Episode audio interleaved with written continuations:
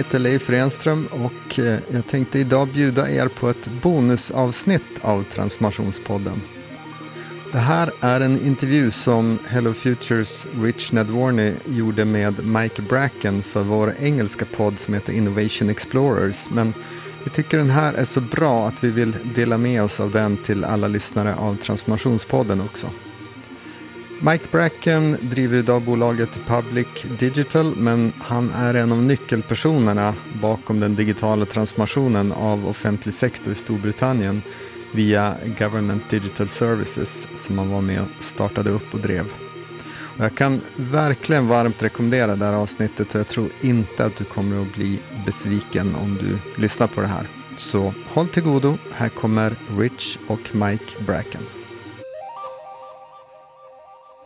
In this episode, I have the pleasure of speaking with Mike Bracken, a global digital leader who has led wholesale transformations of large institutions in the private and public sector. In 2011, British Prime Minister David Cameron brought Mike into government from the private sector as the UK's first executive director of digital and chief data officer. Over five years, he created, led, and scaled the Government Digital Service, GDS. Mike talks to us about the challenges and successes of creating user driven public digital policies and practices, and shares with us some needed advice for Sweden, who ranks last in the latest Government Digital Index. In the podcast, Mike will share with us his thoughts about the power of design principles and the structures behind them, the four phases of digital government, and how public institutions rather than private ones might be better at taking the risks of creating future oriented solutions. Mike Bracken, welcome to Innovation Explorers. I'm really happy you took the time to chat with us. Ah, Rich, thanks very much for having me. Just for our listeners, uh, Mike kind of popped up on my radar in 2013. I saw a YouTube video you did for Code for America. And since then, I've been like having these loose plans that never happen of having you like at events or talking. And, and it's taken me 10 years to finally do this. So I'm really looking forward to our chat. Yeah, thanks a lot. Thanks a lot. A lot's changed in those 10 years, but uh, it was quite an important moment there, 2013 Code for America. So um, happy to connect and can see you've got an interested and vibrant audience. So happy to talk about anything we've done since. So, Mike, I'd like to start with uh, let's go back those 10, 12 years. You were really one of the driving forces behind what's probably the most ambitious user centered project in, dig- in public service. The, the GDS, Government Digital Services in the UK. He was charged with delivering the government's digital agenda. You launched the site gov.uk. And I'm wondering if you could take us back for a minute and tell us how this all started. Wow. Well, um, depends how far back you want to go, Rich. But let's start in the, in the relatively recent times. Um, in the late 2000s and for 15 years previous in the UK, like many governments around the world, there had been an era of large scale procurement, outsourcing via procurement, large scale delivery of uh, public services that had become synonymous with big IT approaches, big contracts given to big suppliers. And around the world, that was failing. There's research that shows that that fails on average 87% of time to, to meet its needs. And the reason is quite simple is that the thinking from the 60s and 70s that digitization or automation equal big technology was fundamentally flawed. In an internet era, people expect to receive great digital services on their phones, on their uh, devices, and more tailored to them and, and their expectations. And governments were way behind. In the UK, we'd had a spectacular set of failures, not least with our NHS spine system, which I think cost 12 billion pounds, hadn't delivered anything. But we'd had widespread failures in delivery in most aspects of central public services, prisons, tax, and so on to the point where the incoming coalition government in 2010, and coalition government's very unusual in, in the UK, recognized that something different had to be tried. And the advocate for the internet really was a woman called Martha Lane Fox, uh, who started lastminute.com, a British based uh, .com um, startup that that had gone public, and she said, said, you know, why don't you put some internet era people at the center of government? And that's what we became. And so uh, I led a group of what turned out to be five, six hundred people in the center, and uh, similar groups around the country, with the long-term aim of digitizing public services and creating a government that was digital by default.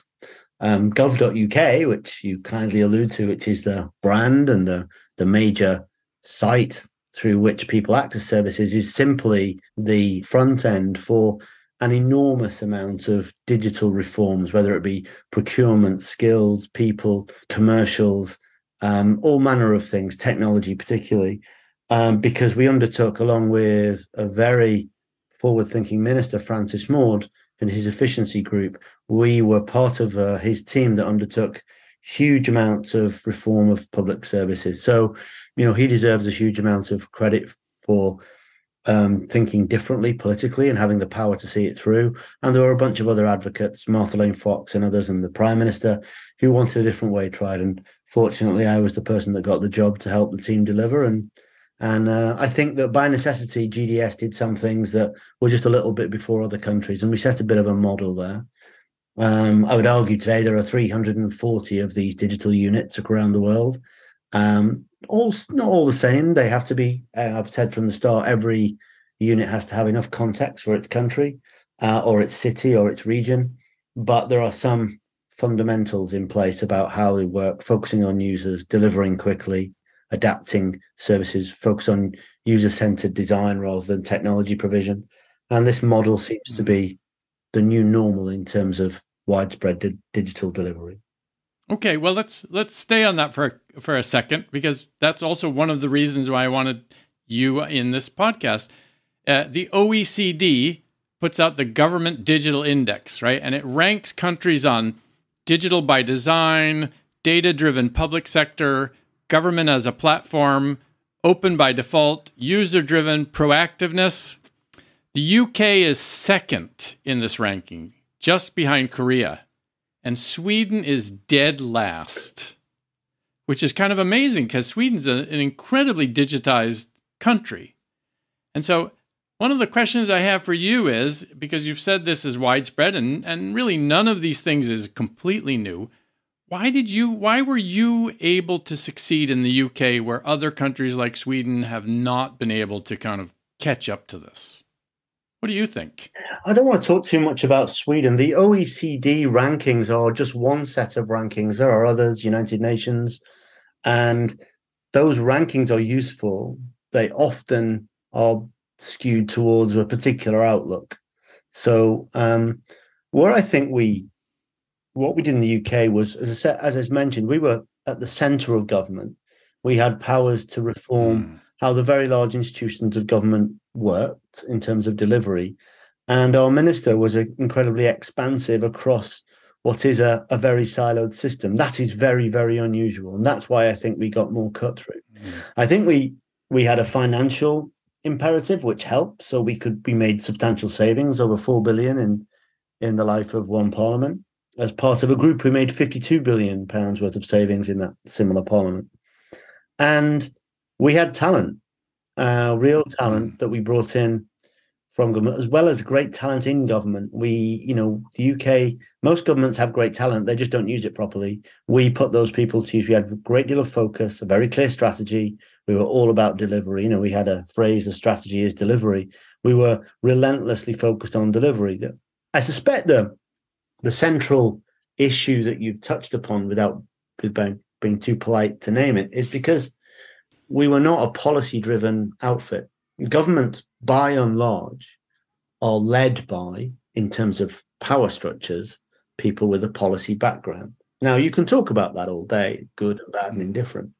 But when that becomes a monoculture, when everyone's a policy person, and policy is just an, often another word for strategy, then that means that people who are in delivery um, modes don't often get a look in. And then people write very nice policies or strategies and then throw them over a wall and say, here, get on with that. And of course, the things are undeliverable.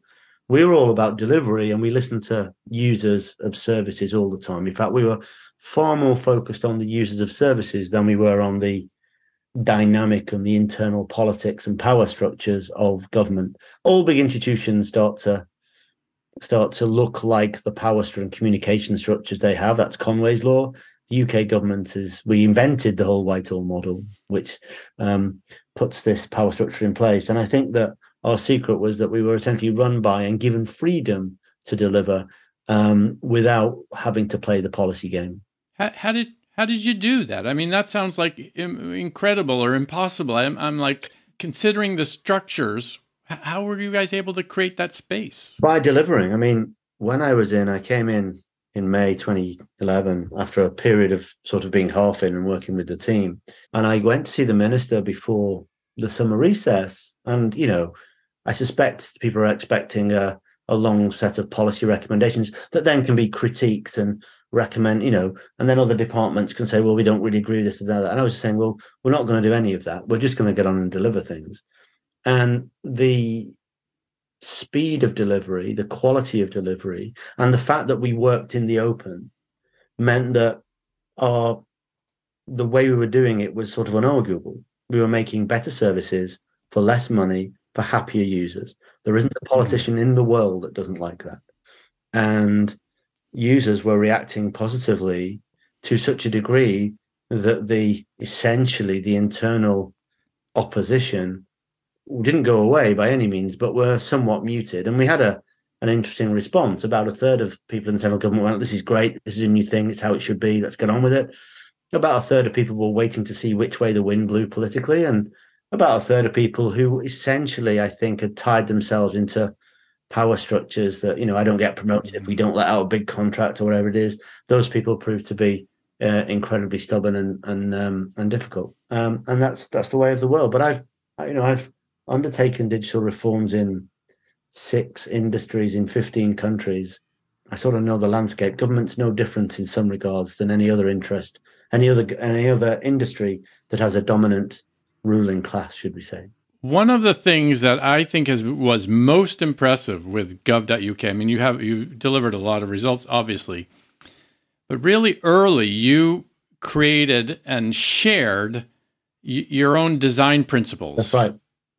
You you put them online, um, and for for a public service, it was really unusual. I would probably say for as design principles for almost any business, they're like spot on. Yes. And and they include, you know, one, start with user needs, two, do less, three, design with data, four, do the hard work to make it simple, five, iterate, then iterate again, six, this is for everyone, seven, understand context, eight, build digital services, not websites, nine, be consistent, not uniform, 10, make things open. It makes things better. I love design principles, Mike. I think these are just amazing design principles. They're incredibly inspiring, and yet we also see sometimes it's very hard for people who are actually doing the work to follow this. But it seems like you got your five to 600 people to actually do this. How did you do that? How did you make these, and how did you get people to follow them? Well, there's two questions there. The making of them, you know, wasn't down to me. You won't be surprised to hear that was from the team. We had some very talented people who were very good. People like Ben Terrett, Russell Davies, Emma Coleman, Tom Loosemore, others who were very good at articulating the ways of we were working. Some of these ways of working were just second nature to people from the internet era anyway.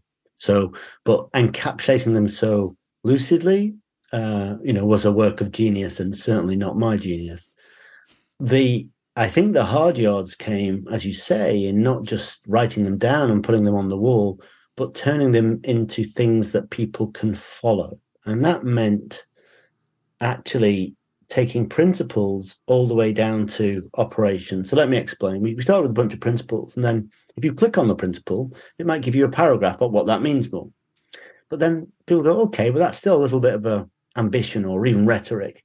But we could then turn that into things like a service manual that shows you how to do it. Quite literally says, well, if you want to know more, click here. And there would be technology manuals and they'd be owned and shared and written by communities of practice who would be all over the, the public sector. So as a person in Swansea in motoring and a, another person in uh, tax in you know the other end of the country in Newcastle were working on designs of services they could interact using these assets and actually also add to them and develop them. So we became they those assets became the very best of a distributed system rather than a force of control across that system mm. what to do. And I think that was the genius of the team is that they used the internet and, and web services to actually encapsulate the principles in a series of actionable service oriented assets like service manual that then led to a service standard so you could hold yourself up to the standard the standard was backed up by a set of financial controls so people wouldn't, mm. wouldn't release money. So these were had very hard edges. It got to the point where the the even some of the principles would work all the way down to performance reviews. You know, have you followed the principles?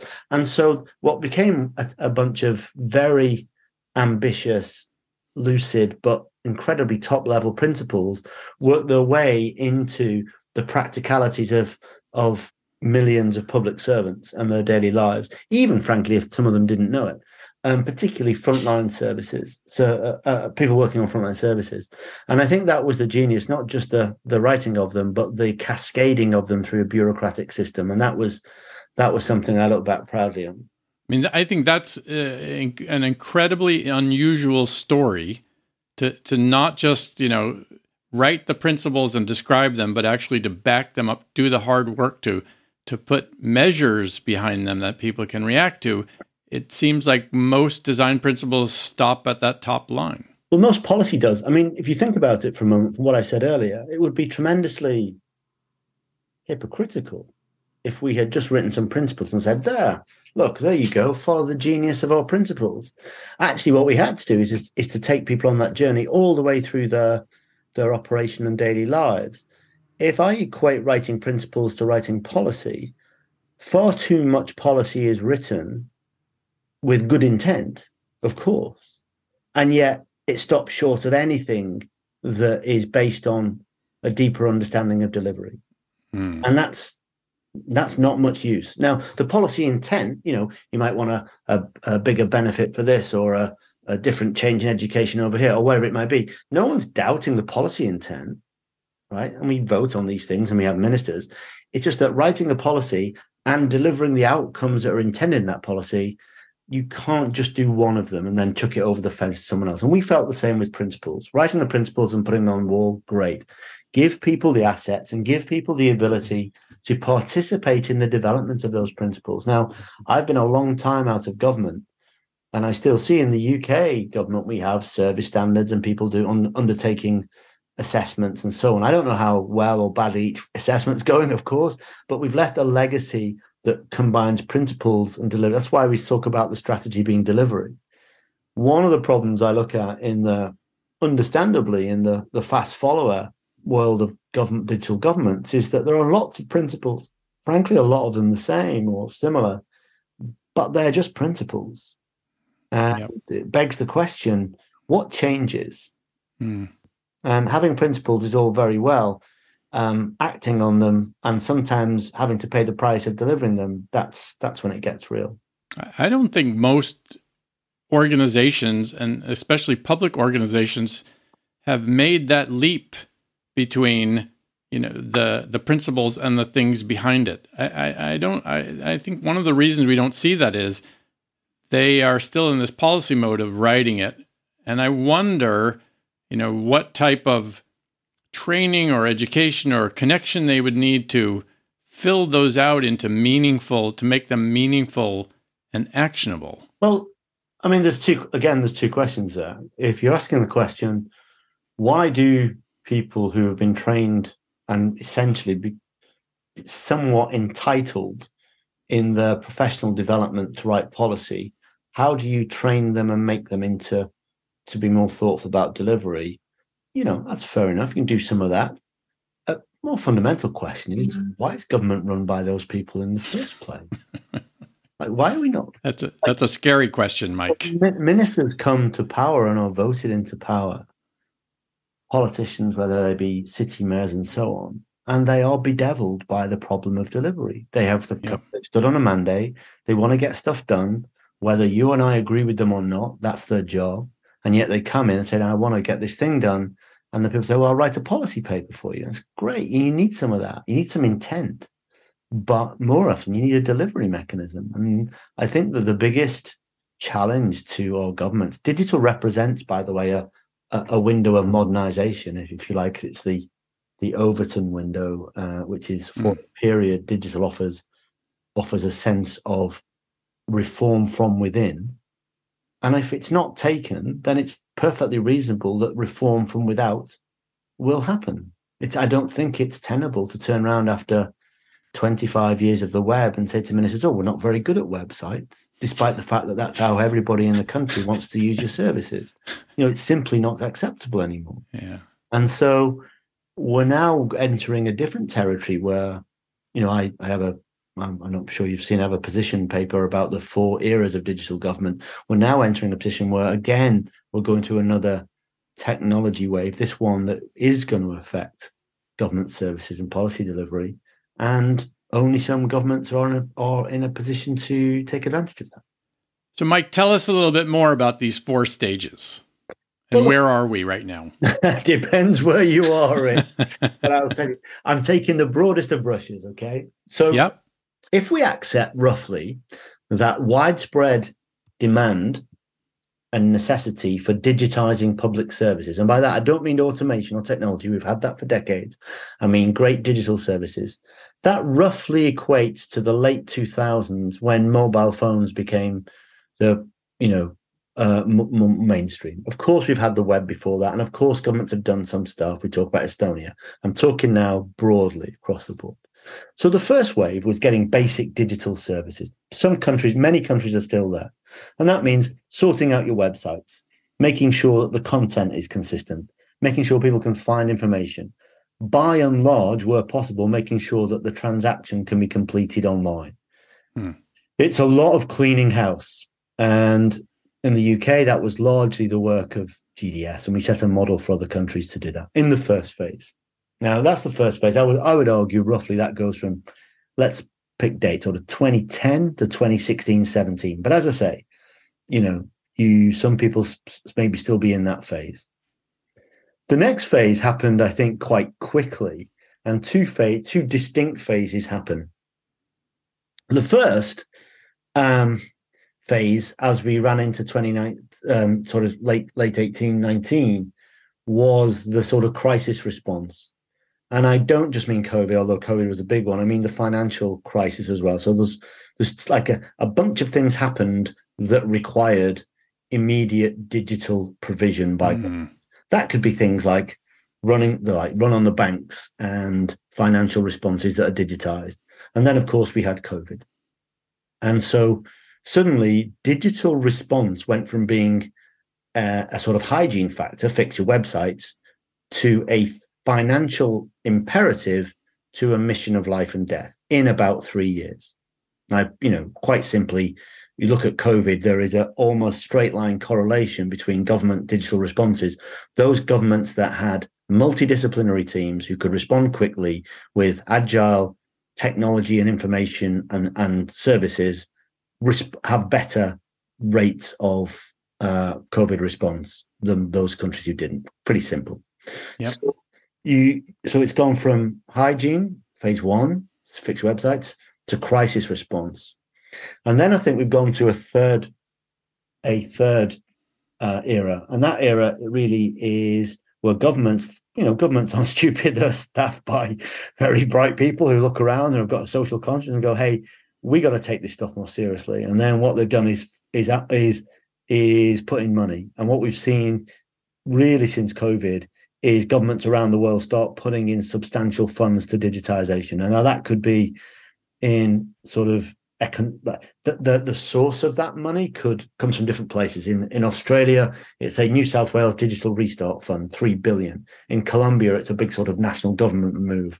In America with Biden, it's a sort of reinsertion of democratic forces after the Trump years, plus the economic pickup of the IRA Act. Um, and in some countries, it can still be the response to like learning the lessons of COVID. But essentially, money followed. The next phase has followed, and I'm delighted to see it, which is the next, next logical step, is people, governments, as well as putting money in, need different forms of leaders. And what we're seeing is people running large parts of government who, frankly, previously would not have had a go So mm. Robin Carnahan in the US, you know, digital native to the core, runs now the GSA. She's responsible for every federal building in in the in, in the USA.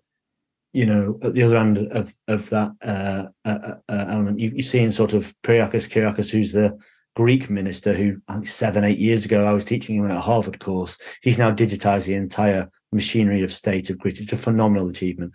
And you're seeing lead digital leadership. So it's going to hygiene, crisis response, finance, leadership. And I think we're about to shortly go into the next wave, which is rights and technological change. Mm-hmm. Now, the point about these waves is we live in an internet era. The future increasingly comes at you more quickly. And if you're still in the business of sorting out your websites or having an argument about which ministry or which department should write these piece of words, you really are wasted the last decade. Like you've got to get on with it. And what governments around the world have realized is that their own internal structures and often their own internal ways of working are getting in the way of good digital responses. And that is becoming, after COVID and finance, that's becoming a political imperative. It used to be an irritant that like the digital stuff didn't work. But frankly, a lot of middle class people could afford intermediaries. The tax system website might be terrible, but I'll get my accountant to do it. That's no longer the case because everyone's using these things. And if they don't work, politicians find out about it very quickly and they sometimes find out about it at the ballot box. So hmm. that's where we are right now. The future is getting more interesting and it's coming at us more quickly. Well, you know, I, I, that's really interesting. I will have to say the Swedish Tex uh, digital platform, of course, since it's the most important platform in the country, is amazing. It's like it's the most uh, friction-free thing I've ever, I've almost ever experienced. But you're also kind of getting at Mike, and I, I'm kind of wondering about this. I mean, you did this in Britain. We see the U.S. moving toward this. You mentioned Greece. This idea of centralizing the talent and the focus in in one place in government rather than spreading it around. Yeah. Would you say that's a was is that a is that a must have to is that a necessity to make all this happen? Yes and no. If you don't have a central core with a vision of who can speak for the whole of government, as GDS did, and when I say that, that was central national government. We didn't have a local mandate it all depends on population size, to be honest. But the smaller your population, the more important it is to have a central team. Let's start mm. with small countries. Estonia, you know, the great Estonian story about rebuilding the country using technology when the Russians pulled out. Um, Sweden, 10 million people, great, fantastic tax system. But you've got a relatively homogeneous country. You've got a relatively benign politics in terms of this stuff, and you've got high skills levels. You, I would argue that the UK was unusual in that it's at the tip of the size of country where you can do a national play, and that's because of our of the characteristics of our national politics. We are an insanely national, um, centralized country, but yet with very floppy levers in that center. So it was possible to put a digital unit there that could could uh, have cut through only if you have political leadership for a period, which it proved to be the case. Once you get into bigger countries, I'm talking about us, America, uh, Brazil, India, and so on. I mean, the Indian story is phenomenal. You either have to have absolutely rigid top down control, as you've seen with Aadhaar in India, or you have to have a degree of standards and principles that work across mm. states and federal, which you've not really seen so much in the US, but you have seen with the work, great work of USDS, Code for America, and others. So I would argue that a central team is a, a necessity until you get to a, essentially a population size of a Dunbar moment when you're better off just splitting them up. Now that's the sh- that's the short to medium term answer. The long term answer to get away from a government that's running terribly eh, eh, that's essentially a power structure for one type of person, a policy person, and I, some of my best friends are policy people, is that you want the in the long term you want these digital skills all over the place. Now, right. I spent the last part of my two years in government setting up digital units all over the United Kingdom's public system.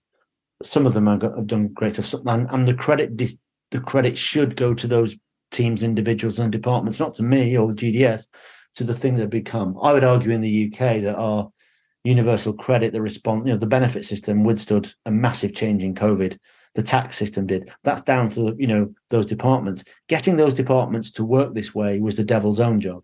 But once we managed it, they did take the ball and run with it. So your answer isn't a binary yes or no, but I do think without a central core that establishes what good looks like and also has powers of at least powers of veto to stop other departments doing things, then I think you'll always have trouble. I was talking to one country recently, you know, very talented digital team spending all their time trying to persuade other bits of government to not launch the 20th app that the government's launched because you're just confusing people.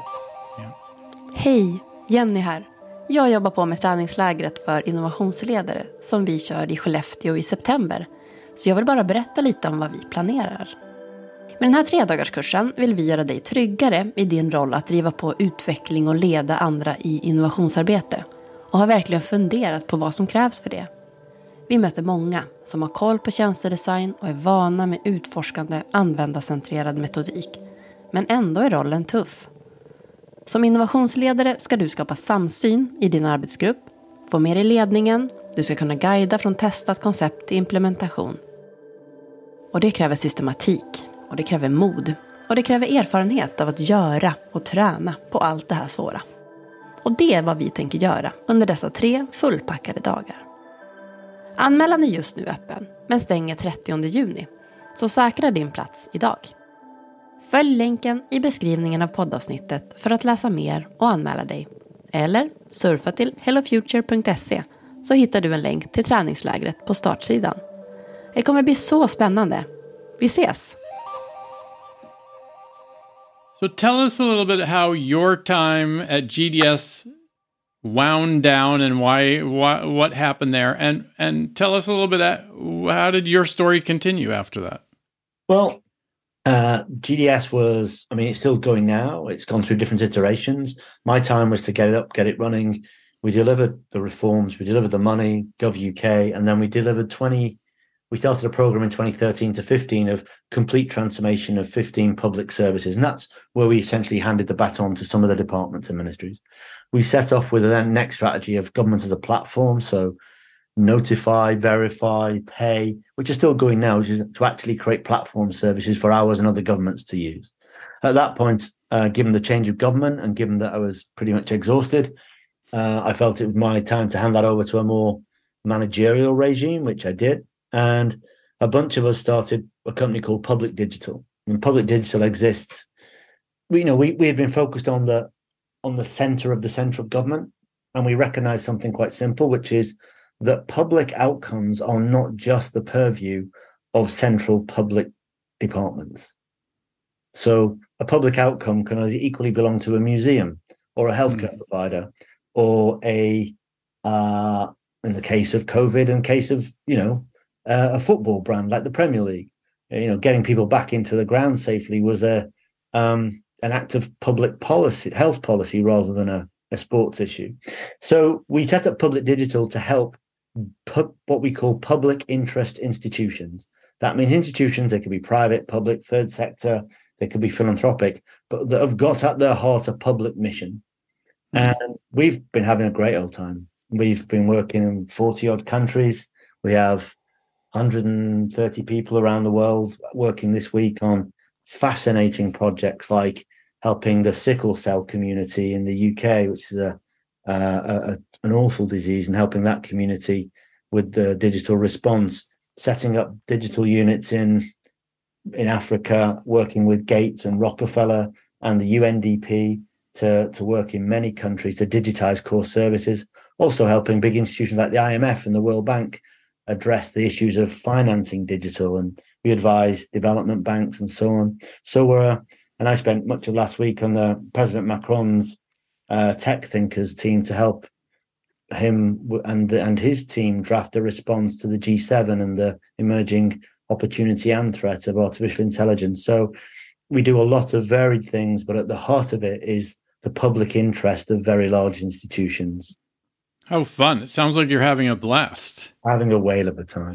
Very So what's what would you say from your time in the GDS transferred to this uh, opportunity for you to share this knowledge and, and experience with other governments around the world. What are kind of the key pieces that you've taken from GDS that you're able to help others with? Well, um, just some observations that are not in principles. I mean, as you very kindly pointed out, a lot of those principles travel well. First thing, a relatively small number of focused digital people with multidisciplinary skills. You can't do anything with a monoculture. So, product, service design, interaction design, policy, finance, HR. A small number of people can affect hmm. state level digital transformation for services and deliver policy at lightning speed. A same proxy, I think it was said back about, you know, was it at um, was it WhatsApp or Instagram that had like 13 people and was worth a billion dollars? It's, it's a right. poor, it's a poor analogy, but essentially the same principle applies. So wherever we talk to talk to, to institutions who firstly say, "Oh, we haven't got you know vast amounts of people to do this," we say we don't need them. You need a small number, but you need to create the conditions for those people to do great things. That never changes. Second thing that never changes is institutions are full of people with digital skills that are not deployed properly because the working cultures and the institution design mitigates against them. Hmm. Right, that's the thing. So yep. changing the ways of working, much as anything. Um, the third thing that, that sort of never changes is institutions, by and large, after they become a certain size, the internal language and logic dominates the the needs of the external users. You know, go and join a police force or an army, wherever.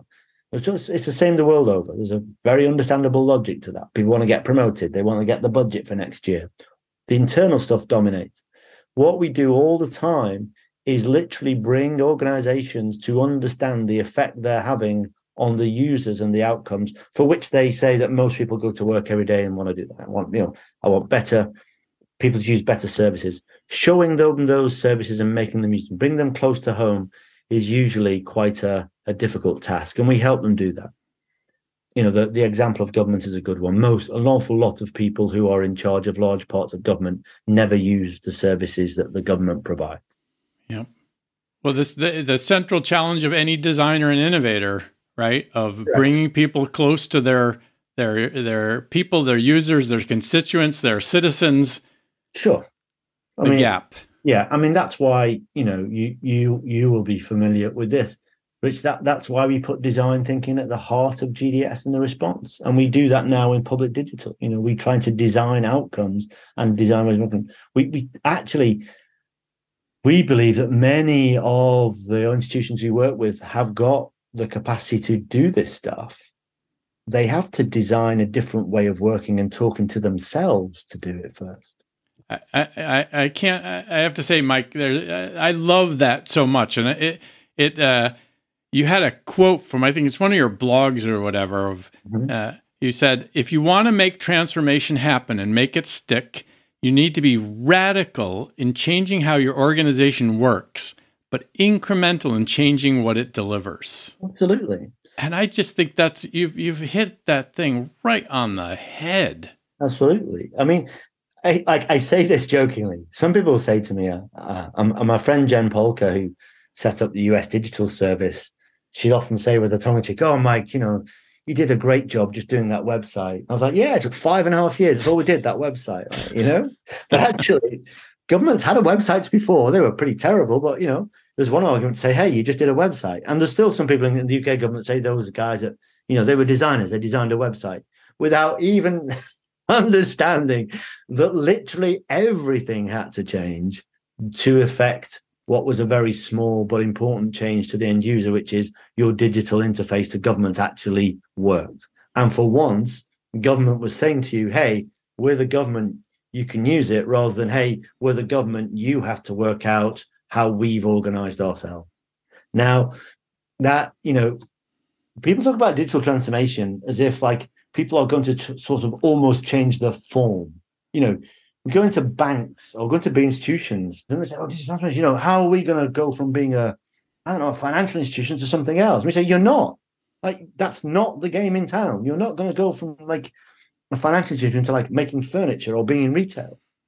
right? You're still going to do roughly what you do, but the ways in which you're going to do it need to fundamentally change.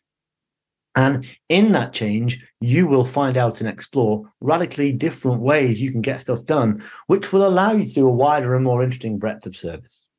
You know, I mean, I, I talked to someone recently, a financial institution, said, you know, the premise was, you know, how are you going to help us deliver credit cards more efficiently? Efficiently, I said, firstly by recognizing that nobody I know wants a credit card. Right. Yeah. so let's try rethink the core point of your finance business. Now that's a private institution, but public institutions are the same. So Yeah. people, you know, will say to, in this day and age, they'll say, "How do we digitize the driving license?" Now all governments do roughly the same stuff. Well, then in an age of autonomous vehicles, why on earth do you have one to driving license? Like, why do you want one? What do you want? Like, the data trails coming off vehicles are much more important now than a piece of plastic with my detail on. I can get that elsewhere. So it's about digital gives us the ability to radically rethink how we're doing stuff. You're still going to have a form of driving credential, but it actually might be on four wheels and parked outside your house mm-hmm. rather than a card in your wallet. It's digital gives you the ability to think about what a future state of what you currently do could look like, not how do I do what I do now in a slightly more digital way. And the biggest thing we find is opening up people's eyes to think actually, you know, if you want to digitize what you have now, you know, great, that's fine. But actually it's it's going to be irrelevant in a few years' time. but it's easier. It's an easier it's an easier ask, right? You're kind of asking to do all that hard stuff of changing the way you operate and questioning these assumptions which you need to do to survive in the future, but it's it's not anything most people look forward to doing. It feels like, oh boy, that's a lot of change for me. we we have been kidded i think we have been conned into believing that forward looking change is somehow the uh, natural state the natural owners of that are private institutions now that that is fundamentally wrong because firstly if you examine the if you examine the motivation of private institutions they're mostly about maintaining or developing profit from existing uh, um, activity. And where R&D and innovation does happen, it's to extend the value of what they have now. And you see that with like rent-seeking contracts and so on. What we have lost sight of is that public institutions and that forward-looking view, it, it should be the purview of public institutions to take the risk to look at what we're going to have. So let's take this country. The first thing I ever did to my team, and th- this is a story I've never told anyone. So here you go. Oh boy, exclusive. The very first away day. So I had a very clear view that the UK government was going to be absolutely brilliant in public services. And we weren't going to make the best future motoring or transport thing or whatever it might be, but we were going to put the foundations in that would allow that to happen. Mm. Right? That was our job. And the proxy for that in the in London was an engineer called William Bazalgette. And William Bazalgette faced a profound public policy in the 1860s, I think, which was the emergence of cholera and waterborne disease in a rapidly industrializing city that was growing hugely. And Bazalgette invented the sewerage system. So ostensibly, he was there to help resolve the cholera crisis. So people saying, well done, William Bazalgette, you do that. But what he did radically differently was think about how water literally works in a system which is still powering this amazing city today.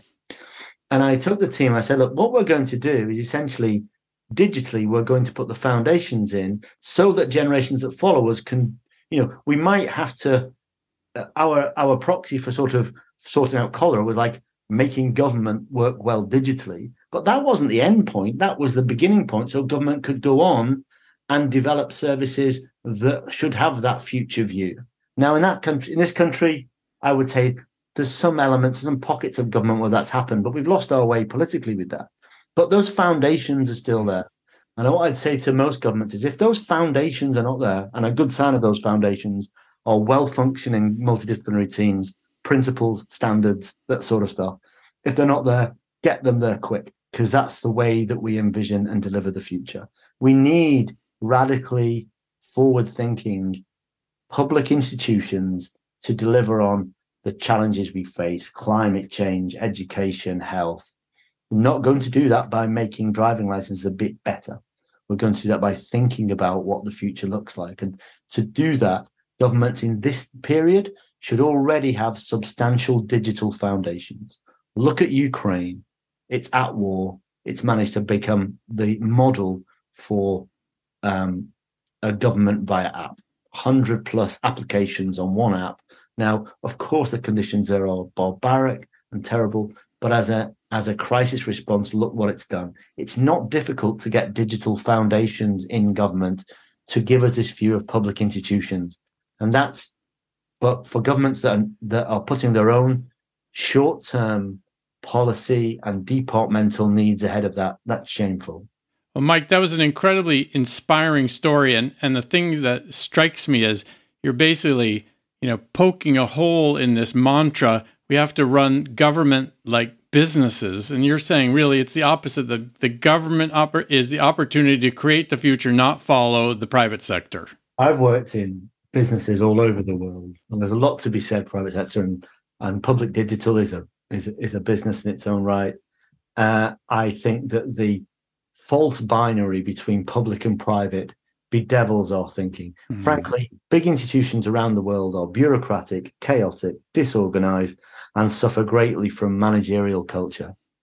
There's no reason at all why private and public businesses can't have entrepreneurial thinking, can deliver on missions. There's a reason why many private institutions don't do that, right? That's the shareholder culture and everything else. There's no reason at all other than mm. belief that public institutions couldn't do that.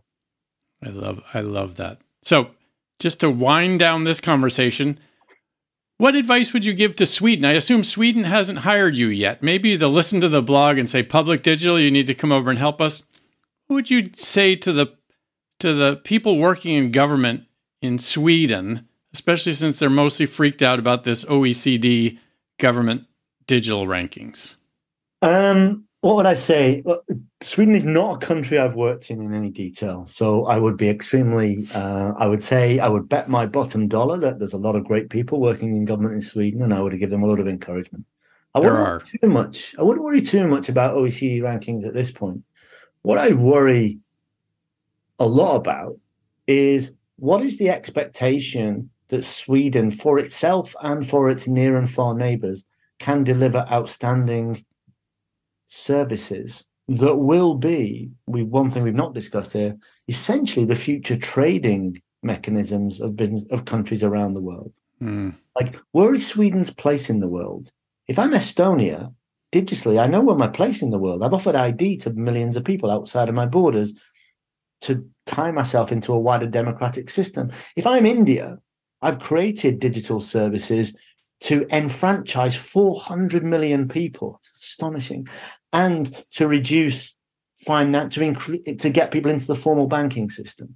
If I'm one of a number of countries in Latin America, like Argentina and others, I've essentially widened out the franchise using digital services.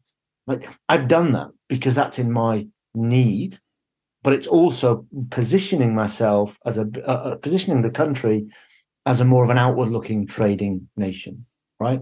And you're starting to see digital public goods and digital public infrastructure cross borders as it should do. My question to people in Sweden is be worried about where you're going to be in five years.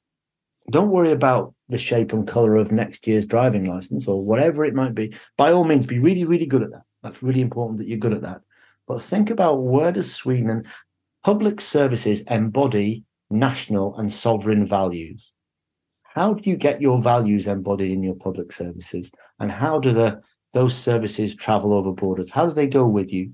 And i think for countries of i'm genuinely forgive my energy it's 10 million people in sweden. Yep exactly uh, right. it's sufficiently big enough to be noticeable and sufficiently small enough to be agile and really innovative and that's the challenge if you've got 200 million people 400 million people or more if you're brazil or india it's big picture stuff right getting hundreds of millions of people engaged. If you're Singapore and you're a city state and you've got an awful degree of autonomy, you can do some cutting edge stuff. If you're Sweden, you've got to think about how your digital government essentially embodies the value of your nation and how it travels around the world. And all I would say, as the gentlest comment from a well meaning observer, is I can't see any discernible pattern emerging from Sweden whatsoever, good or bad. Hmm. Well, Mike, thank you so much for joining us in this podcast. A really great, fun, inspiring conversation. And I wish you the best of luck with public digital. Um, and I hope that you keep inspiring public servants and politicians around the world, and especially in the Scandinavian countries, I'm going to add at the end. Rich, thank you very much. And, you know, um, I have nothing but huge respect for everyone working in, in the in the noble business of public service provision. So let's, um, you know, keep going onwards. Great. Thanks, Mike. Tack för att du lyssnade på det här bonusavsnittet av Transformationspodden med Mike Bracken. Jag hoppas att det var lärorikt, det tyckte jag i alla fall. Vi hörs snart igen i ett nytt avsnitt av Transformationspodden. Ha det så fint, hej då!